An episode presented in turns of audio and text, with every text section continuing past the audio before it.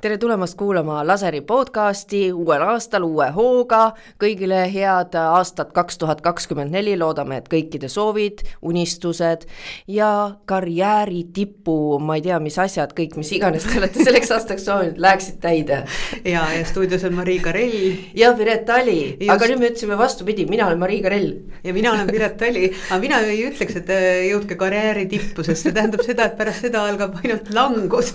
püsige karjääri platoo platool, palun. oh my god, platoo on mu lemmiksõna ma ei tea, kas platoo on seisak või ei ole igal juhul see on väga hea sõna. tutvusin just platooga ka Norras suusatamas käis, käies, käisin Norras suusalaagris ja siis seal oli väga hea platool sõita, siis see oli ainus koht, kus ei olnud liiga kõrgeid mägesid, kus sa pead nagu kõigepealt ilgelt üles rühkima ja siis tuul vihisemas kõõsub niimoodi alla sõitma ja vaatan vastu puud ei sõida.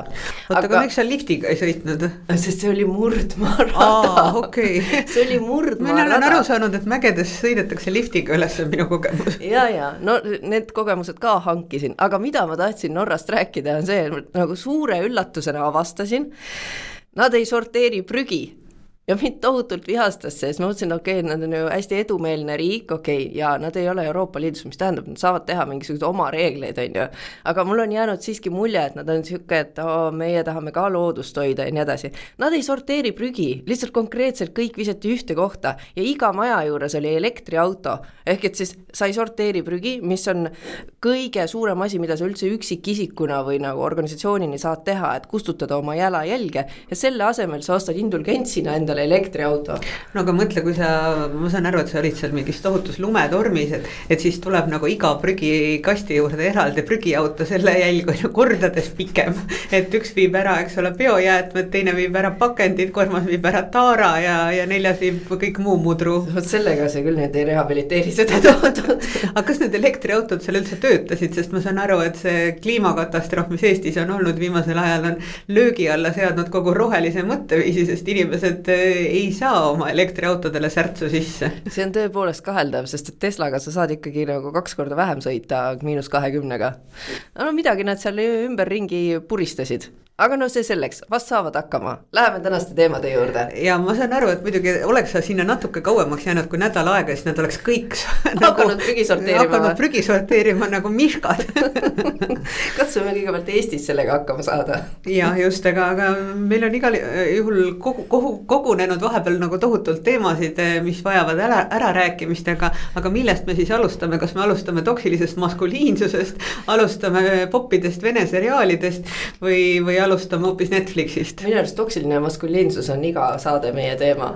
kas ei ole nii jah, aga maailma mahub veel üht-teist peale toksilise maskuliinsuse veel. mulle viimasel ajal tundub, et kõik asjad on seotud toksilise maskuliinsusega, ma olen vist mingisse vandenõuteooriasse sattunud. võib-olla sul on algoritm, mis eh, sind internetis juhatab ainult ühte liiki teemade juurde, aga noh, ma saan aru, et kuna täna on see tähtis päev, et eh, alustab ka Laseri stuudio TV3-s ja, ja te Aria Helm meiega, kes on tuntud ka roosa banaanikesena. kes on tuntud Lasertechi Youtube'i kanali saatejuhina vabandust, vabandust, vabandust. et eh, ma ei tea, kumb teist parasjagu nagu, nagu kuulsam on ja mis meediumi vormis. aga et igal juhul te teete täna koos saadet ja räägite toksilisest maskuliinsusest. ja, aga tänases podcast'is teeme nagu lihtsalt korra selle ülevaate ära, millest me hakkame rääkima. no Sest, ma, ma juba üritasin.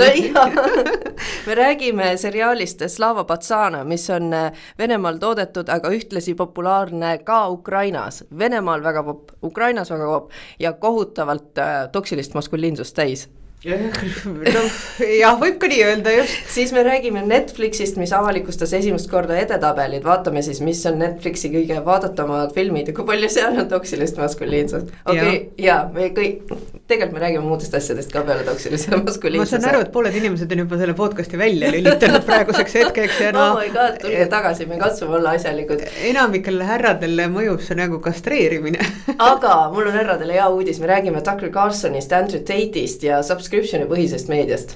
see tõstab testosterooni taset niimoodi, et kõrvadest hakkab välja tuhisema aga alustame sellest seriaalist, millest ma tegelikult, ma ei ole ise näinud, ma lugesin Economistist sellest ja see Slava Patsana on ähm, tõlkes siis mehe sõna ja.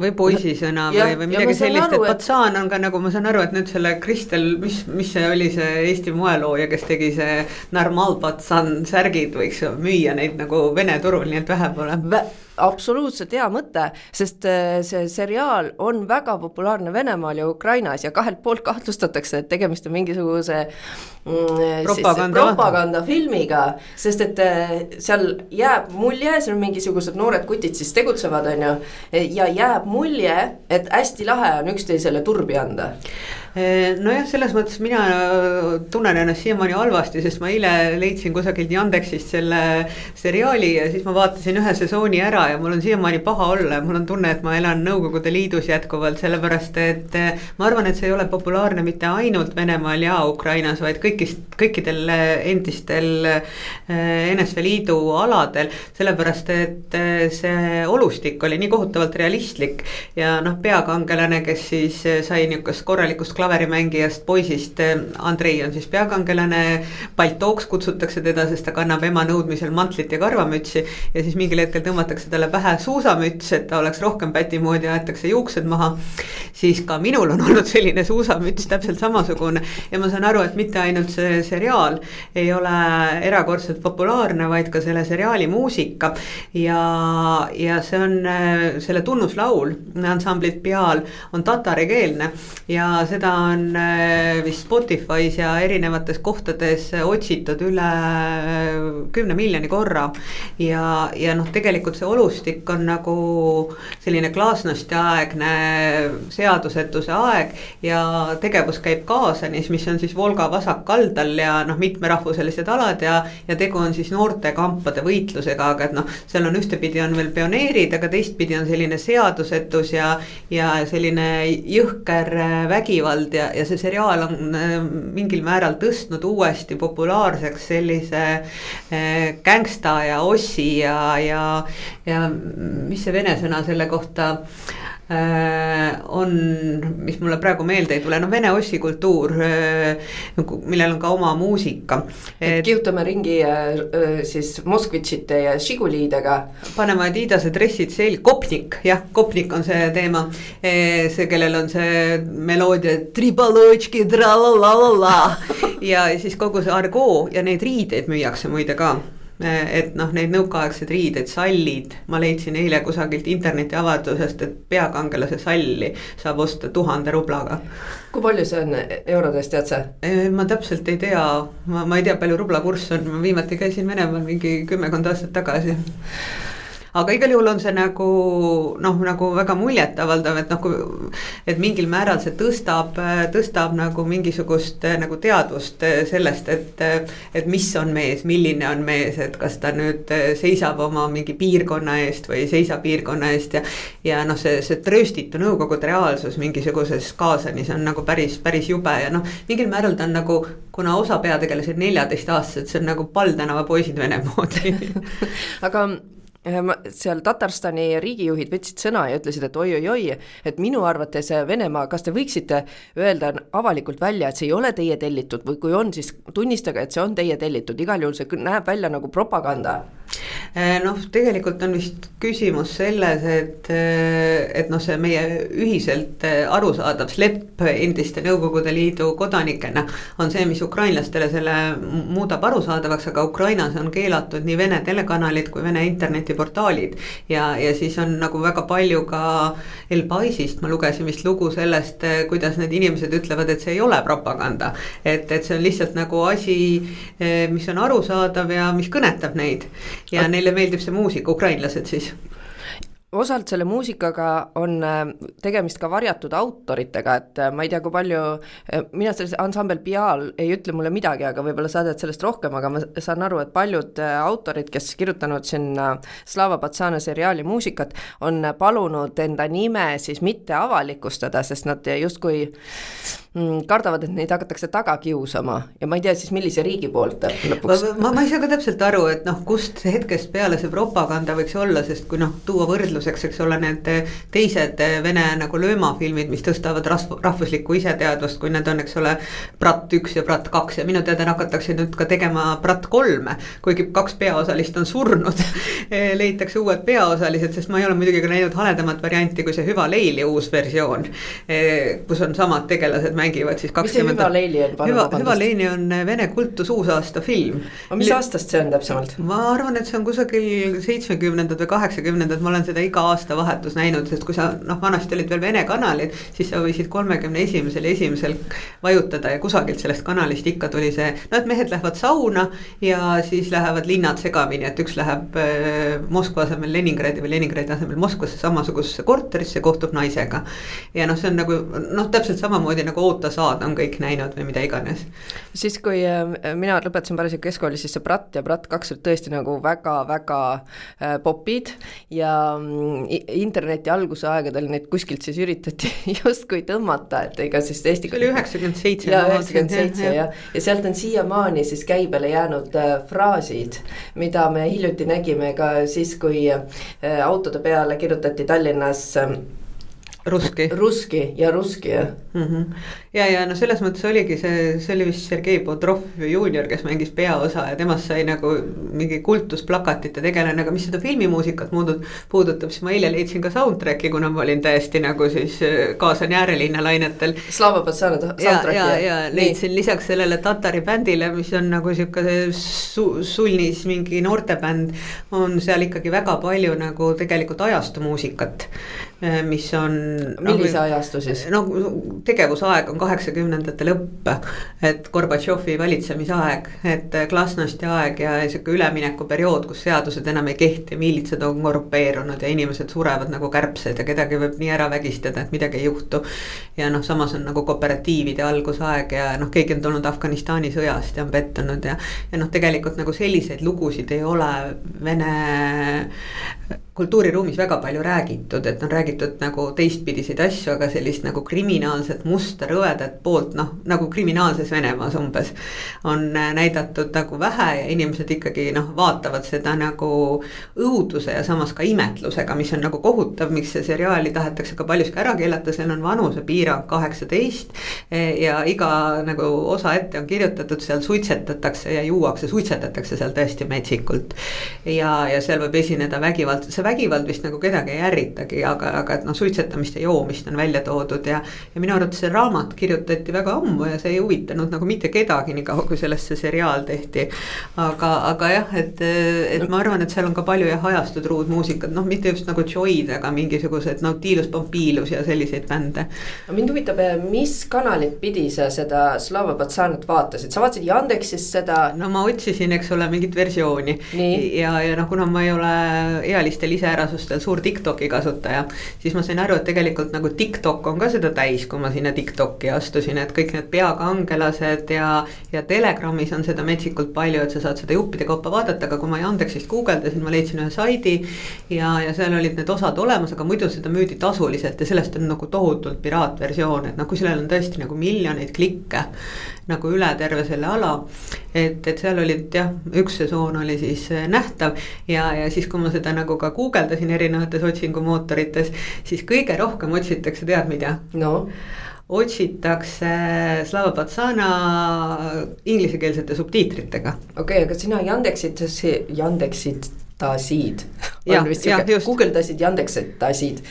teda vene, vene keeles või äh, inglise keeles või eesti keeles või? Äh, no seal on võimalik äh, kirjutada ladina tähestikuga vene sõnu, sest mul ei ole kirillitsa arvutis peal, aga, aga ma jah, sa saad kirjutada seal ladina tähestikus ja siis tulevad need otsingud.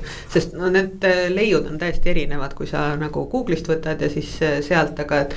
et noh, selles mõttes noh, kes on jah vaadanud neid brigaadasid ja muid asju, mis on Eestis ka olnud, et noh, see on üsna nagu samasugune, samasugune kultuuraruum ja see on väga huvitav, et seda jupikaupa tõesti internetis levib igal pool, et äh, täpselt samamoodi näiteks TikTokis on praegu äh, tohutu staar on Gypsy Rose see on üks äh, tütarlaps siis, kolmekümne kahe aastane, kes kahekümne kaheksandal detsembril sai äh, just vangist välja ja ta sai vangist välja seetõttu, et ta tappis ära oma ema.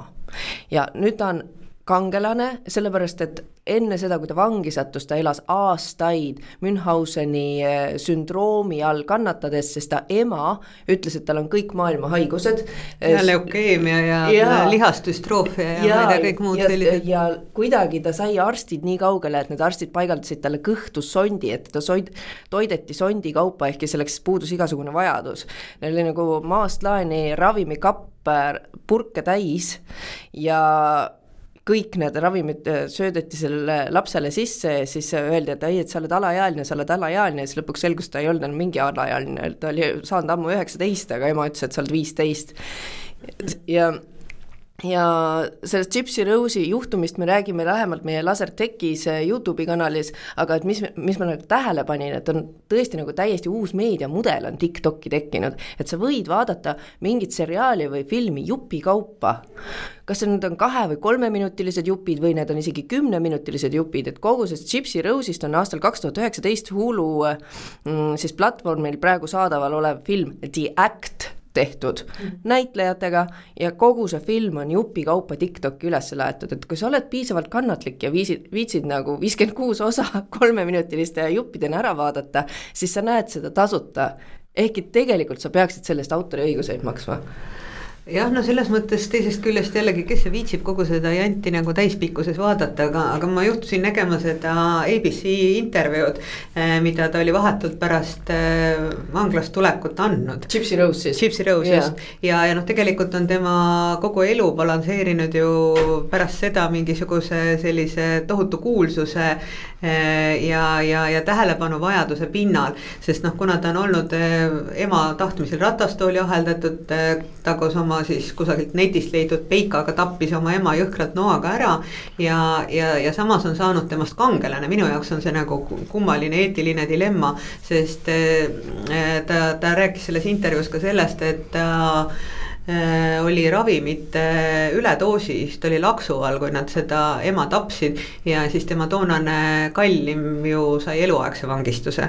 aga nüüd äh, Gypsy Rose väljus siis äh, rõõmsalt vanglast, ta oli sealt teinud mingisuguse Tiktoki postituse, mis oli täiesti mõttetu võrreldes selle, mida saaks Tiktokis teha. ja sellel oli nagu miljoneid äh, vaatamisi ja ta, ta on leidnud kuidagi vangis istudes omale uue mehe ja vanglast tulles siis äh, oli ta abiellunud, kas see oli Ryan Anderson oli äkki mehe nimi ja. me ei tea selle mehe nime isegi, aga me teame, et tal on mingisugune magic D olemas, on ju. ma ei tea, kes see on, aga. ei, see on tema, see asub tema püksis. aa, okei okay,, aa ja siis ta nagu nüüd, nüüd ta kirjeldas oma aastavahetust Tiktokis. kuidas ta oli pereringis ja tema lahutatud isa tuli sinna ja, ja siis küsiti, et kas ta nagu emast ka tunneb puudust ja, ja, ja noh, see, see, see kõik oli nagu väga kummaline, kogu see tema see kuulsuse lugu on nagu, nagu ebameeldiv Ameerika. noh, selles mõttes, et aga me nüüd vaatame sarimõrvari taha, aga nüüd me aitame ta kuulsaks ja nüüd me tuleme välja ja siis need, ma arvan, et nüüd alles läheb lahti kogu see seriaalindus, et noh, temast on tehtud nagu siukseid dokke ja on tehtud filme, aga see ei ole veel kõik. et nüüd hakatakse jälgima iga sammu, et kui ta juba suudab ise Tiktokis nagu nii palju klikke saada, siis ma arvan, et ta hakkab sellest elama. endise mõrvari inimene, kes tappis oma ema aga see on, see lugu iseenesest on üsna uskumatu, mis temaga juhtus, et ma saan aru, seal on ainest ju tohutult. ja on, on selles mõttes, et seal on kõik nagu sellise nagu geniaalse story nagu asjad, et noh, nagu ahistatus, piinamine, ema-tütre suhted, vägivaldsus, lähisuhtevägivald, noh, kõik punktid, nimeta ainult, kõik on täidetud. ja see, et tal on tähelepanuvajadus muidugi ei ole mingi eriti imekspandav, arvestades seda, et minu arvates nagu üks point, miks ema üldse äh, teeskles, et äh, ta tütar on hästi haige, on see, et ema ise tahtis ligipääsu kõikidele maailma suurtele staaridele. et saaks nagu Harry Potteri peategelastega pilti teha ja, ja. pesapallistaarid ja, ja kus nad kõik käisid, et. ja nad... andke meile maja, meil on nii raske, laps on nii haige ja noh, ühesõnaga, et see nagu elu oli rajatud sellele, justkui laps oleks haige ja see on muidugi noh, nii õudne, sult on võetud ära nagu normaalne elu ja lapsepõlv. Ja siis kuidas sa siis üldse arvad, et sealt, et sa saaksid normaalselt edasi minna oma eluga?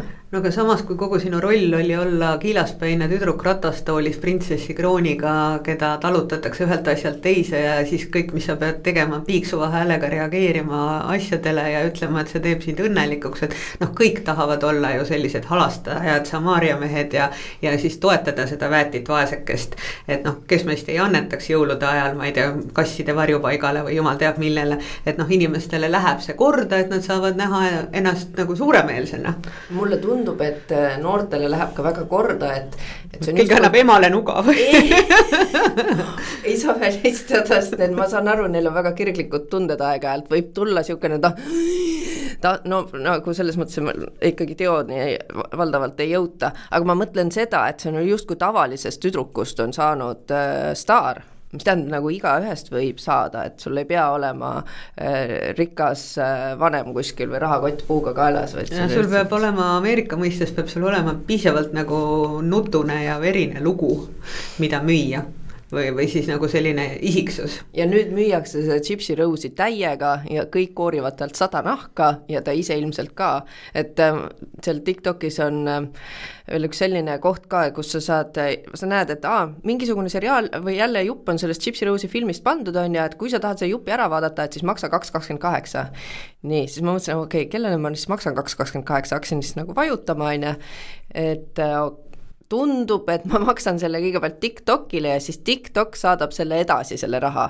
ja siis noh, loogiline järeldus on see, et see filmi tootja siis saab selle raha või see, kes, kelle õigused sellele filmile, kellel päriselt on nagu õigused sellele filmile, aga ei suvalised inimesed on lõiganud need jupid välja ja hakanud Tiktokis sellega raha teenima. no täpselt sama asi, mis oli selle Slova Patsana Kõrovna asfalte oli see, et, et mingid äh, filmistaarid ütlevad, et vabandust, et need ei ole meie kontod aga see on ju haige no,. ja, ja need ei ole nagu meie klipid, et aga et noh, selles mõttes, aga see ongi see, et tänapäeval on ju see ümbertöötlev ja kommenteeriv tööstus ei, nii kohutavalt mida... suur. ei, aga seal ei li olnud lisatud kommentaare, vaid lihtsalt oli lõigatud jupp välja ja pandud ülesse. see on põhimõtteliselt niimoodi, et sul kukub taskust telefon välja ma isegi ei varasta seda, sul kukub välja, on ju, sest oli saadaval, netist sain tõmmata, on ju.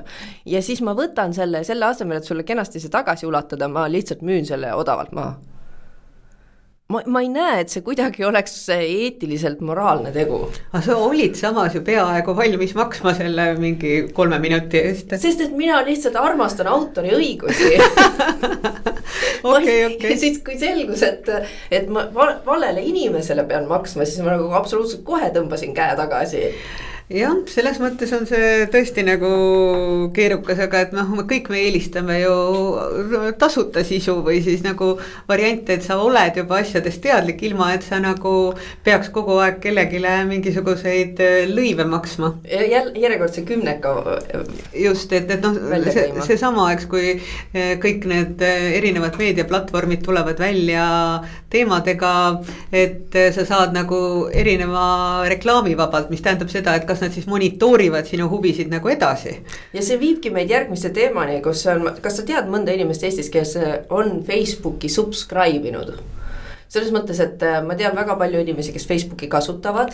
minu arvates need on nagu sellised minusugused buumerid, et subscribe imiseni nagu nende teadmised ja oskused väga ei ulatu. et neil on nagu hea meel, kui nad saavad oma kassi pildile likee ja siis on nagu kogu, kogu asi tehtud, et.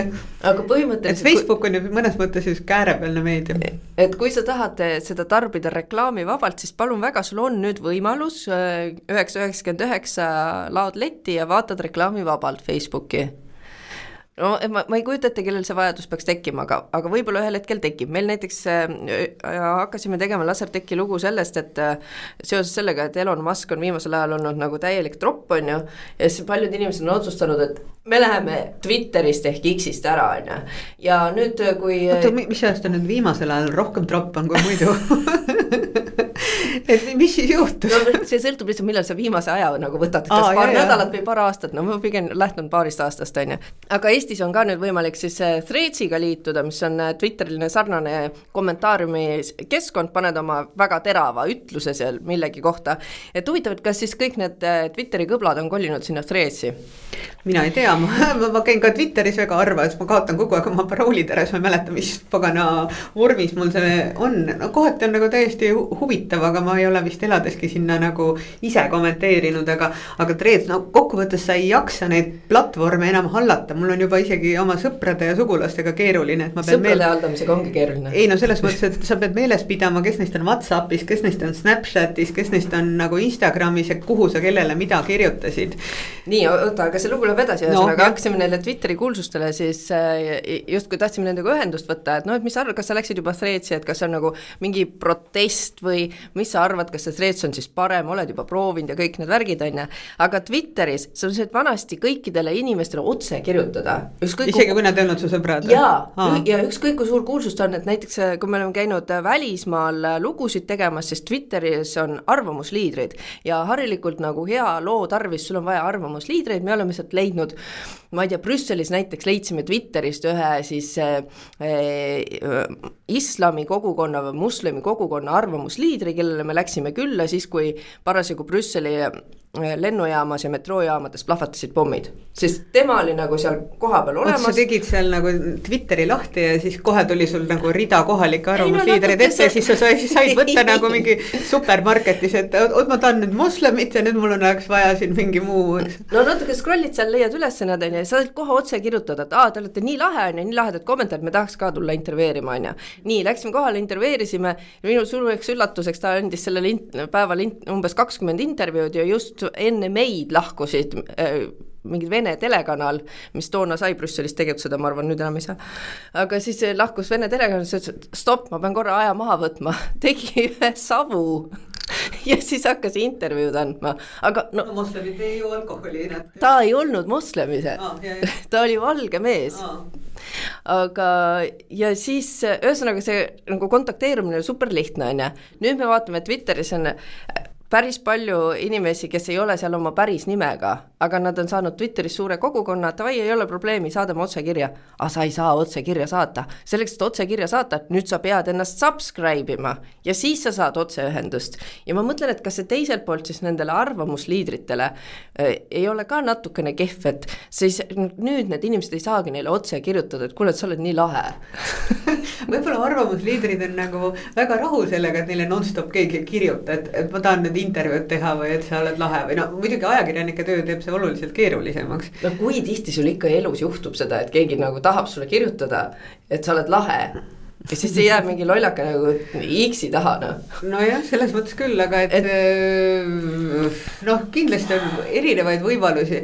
no ma saan aru, et sellise vanamoodsa moodusega nagu see, et helistaks kellelegi ei tegele keegi enam ammu. no kuhu sa helistad noh?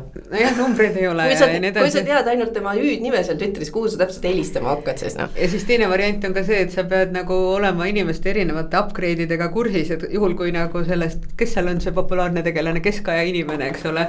et, et juhul, kui ta hakkaks näiteks Koopa elanikuks, siis sa pead meel, meelde jätma seda, et eh, Koopa elanik kui endine keskaja inimene. et, et sa pead kogu aeg nagu sellega kursis olema, et see on nagu erakordselt tüütu, aga no ma saan aru, et see subscribe, subscribe imise teema nagu. Noh, ma ei tea, kas see siis nagu toob inimestele nagu meelerahu juurde, ma oleks küll rahul selles mõttes, et ma ei tahaks küll kümme eurot maksta selle eest, et ma ei näeks neid lollakaid reklaame seal, kus öeldakse, et Anu Välba on jälle vangis või Urmas Vaino on kuhugi kinni pandud, et no ma olen teinud kõike, ma olen korduvalt teatanud, et ärge näidake mulle ja kustutanud ära neid, aga ma näen neid ikka veel. no vot, ja nüüd sa oled selle küsimuse ees, et kas kümme eurot äh, siis äh, käid välja või ei käi, et see tooks sulle meelerahu. et ma ei näeks Anu Välbat. aga ma mõtlen, et, et noh, et sa peaks oma subscriber, subscription'id nagu üldse kokku lugema, on ju, et tõenäoliselt sa mingit ajalehte tellid, on ju. Maksad sinna subscribe'i, ma arvan, see on ka kümme eurot kuus. no siis võib-olla tahaks mingit teist ajalehte ka lugeda välismaalt äkki midagi, on ju. Mhm. no äkki. nii, siis äh, Facebookis ei taha neid lolle reklaame näha, et sinna maksaks kümme eurot, on ju. sest Twitteris tundub, et äh, ikkagi nagu päris suur hulk inimesi on seal Twitteris ja aeg-ajalt oleks võib-olla hea nendega suhelda ka otse, äkki maksan sinna ka kümme eurot. see on nagu metsik hulk subscription eid, ma arvan, et enamik inimesi seda ei tee. ma arvan, et enamik inimesi valivad oma subscription'id selle järgi, kes neile väga-väga meeldib ja kelle vaadetega nende vaated kokku lähevad. ehk et kui sa nagu veidi oled konservatiivsema vaatenurgaga või, või, või siis sa pigem valid sellise ajalehe või sellise arvaja või sellise arvamusliidri, kellega sinu vaated kokku lähevad? aga see on ainult meelepete, et sa arvad, et sa ise seda valid. et eh, minu arvates need imelised algoritmid lükkavad sind mingisugusesse kõlakotta, sest noh, mina ei ole nagu täpselt aru saanud, et kuna tänu sellele tööle siin ma guugeldan ikka nagu täiesti äärmuslikke asju ja kui ma vaatan oma seda history't, siis on seal tõesti nagu OnlyFansist kuni narkootikumideni. et noh, nad ei suudaks kuidagi minu profiili kujundada, et mis mulle meeldib. aga, aga teisest küljest jällegi, kui inimene hakkab äh, mingisugust asja nägema, siis ta nagu sinna jääb ja sinna, sinna ta satub, et. et noh, ongi nagu need demoniseerivad algoritmid, äh, mis ma, ma isegi ei näe paljusid oma sõpru sõpru, keda ma tahaks näha, sest äh, algoritm ei näita mulle neid okei okay,, aga mõtlen, et kui sa näiteks äh, head uudised kirjutab äh, mingisuguse loo, mis sulle korda läheb, sa klikid korra peale, on ju, noh vaatad, aa, see läks mulle täitsa korda, on ju. ja siis sa näed seda veel ja veel. ja siis sa näed seda veel ja veel ja veel ja veel. ja siis sa oledki valmis juba heade uudiste tellimuse endale vormistama just, no isegi kui sa ei telli, siis sa nagu noh, satud sellesse mõjusfääri ja, ja siis sa jääd sinna. et nagu mis, mis, mis seletab seda tegelikult äh, äärmuslikkuse ja sihukese vastandumise ja erinevate keskkondade teket, sest äh, see on nagu päris hirmuäratav, et noh, kohe, kui sa hakkad nagu midagi nagu pooldama. siis see tähendab seda, et sa hakkad ka millegile vastanduma ja sel, selles ongi juba konflikt ja, ja mulle tundub, et kui sa oled seal ühe asja juba ära tellinud, olgu selleks mingi eriti liberaalne sait või eriti äh, konservatiivne sait, siis sa tegelikult seda teist tellimust sa ei tee. sest et sa ei käi raha välja selle eest, et äh, saada justkui kõrvalarvamus või, mis ei lähe sinu enda väärtustega kokku. just, sest noh, kui, kui on nagu jutt sellest, et, et noh, meie siin, eks ole, oleme õppinud äh, X aastat ajakirjandust äh, ja, ja üritame saavutada mingit tasakaalu ja tasakaalustatud meediaväljaanded, eks ole, üritavad ära kuulata mõlema poole. Äh, siis mitte keegi neid meediaväljaandeid ju sellisel määral kui kunagi varem ei telli ja traditsioonilisi telekanaleid ka sellisel määral enam ei vaata, et kogu informatsioon, mida siis inimesed saavad, ongi erinevad äh, sotsiaalmeedia platvormid. ja, ja sealt ongi nagu samm selleni, et keegi läheb äh, karunahk peas Kapitooliumisse lammutama. ja mulle tundub, et mida nagu rohkem sa saad seal likee või subscription eid oma äärmuslike vaadete eest, seda rohkem see tõukab sind siis autorina neid äärmuslikke äh, arvamusi ja, sinna postitama. õhutab, õhutab seda takka, et sa näed, et, et sellega lõikab, et kui sa noh, nagu väga kardinaalselt erined sellest peavoolumeediast, mis üritab olla tasakaalustatud. et siis sa saavutadki sellega nagu tähelepanu, et noh, täpselt samamoodi nagu Gypsy Rose, eks ole. et, et, et ema tapja, kes on alustanud tuhkatriinuna või siis pardipojast on saanud luik, eks ole, uut elu.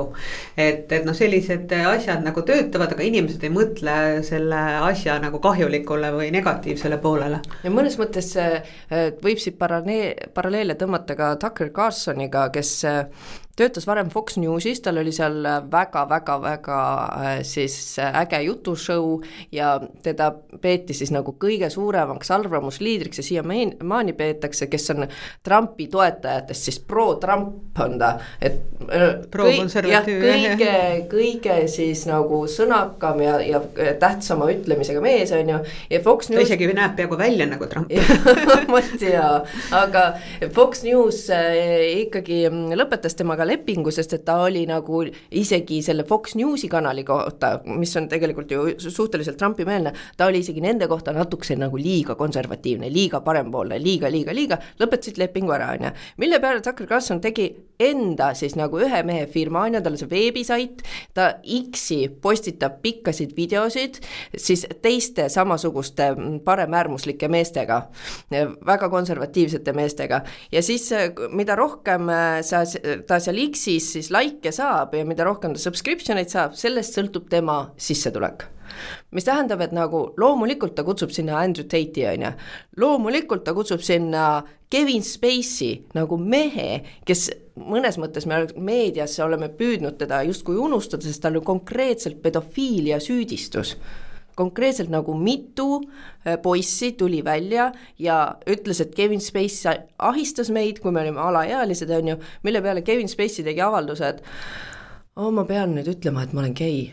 Ja siis kogu gei kogukond oli väga pahane ta peale, et kuulge, halloo, et see ei ole okei okay,, see ei ole üldse aus, et te panete ühel hetkel nagu pedofiilid ja, ja pederastid nagu, et see ei ole sama asi tegelikult on ju see oli väga julge avaldus, ma tikin selle oma käterätikule ja panen köögiseinale, et pedofiil ja pederast on erinevad, aga, aga. see on nagu alatu on lihtsalt ei, on alatu. Selles mõttes, et ma arvan, et enamik geisid on ju kogu aeg nagu hädas sellega, et nad eh, peavad selgitama mõnedele konservatiivsetele inimestele, et.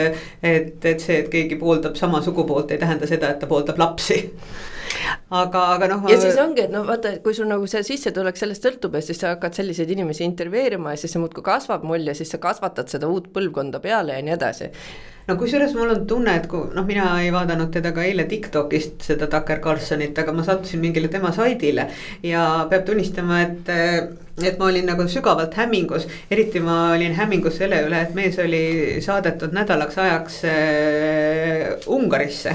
kus selgus, et Fox News ei ole mingitel põhjustel vale, varem levinud ja siis saadetakse sinna sihuke hästi päevitatud, palju lobisev Ameerika saatejuht, selline kergelt Urmas Otilik nagu lahe mees, mitte mida keegi nägupidi ei tunne ja siis ta käib mingitel tohututel vestlusõhtutel äh, ja tegelikult ta promob trumpismi ja, ja siis ta teeb seal Orbaniga intervjuu.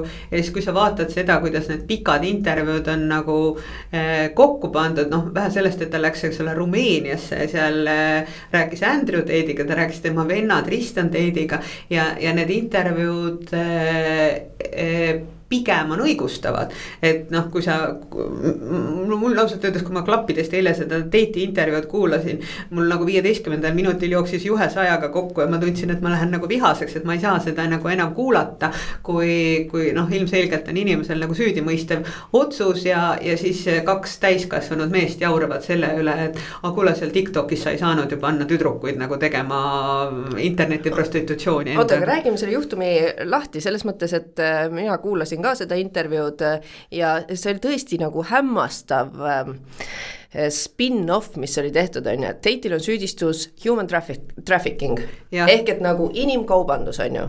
Nii, ja nüüd siis koos selle Tucker Carlsoniga nad tulid välja, et teate mis, see süüdistus human trafficking on ju, see ei ole sama, mis on Eh, siis ähm, pimping, pimping on ju, et human trafficking ei ole sama, mis pimping, et ainus human traffic, mis Andrew Tate enda sõnul tegi, oli see, et ta eh, palus naistel teha Tiktoki kontod ja siis seal Tiktokis esineda ja sellega raha teenida ja siis ütleb Teit, ah ma olen nii rikas, mul tegelikult ei olnud Mulle... seda raha üldse vaja. mina ei tahtnud seda raha endale, ma tegin neile, et nemad saaks raha teenida, on ju. aga, aga see ei ole ju, see süüdistusest läheb nagu nii kaugele, et selles mõttes, et see keegi ei hakka Tiktoki konto peale panema sulle human trafficking süüdistust.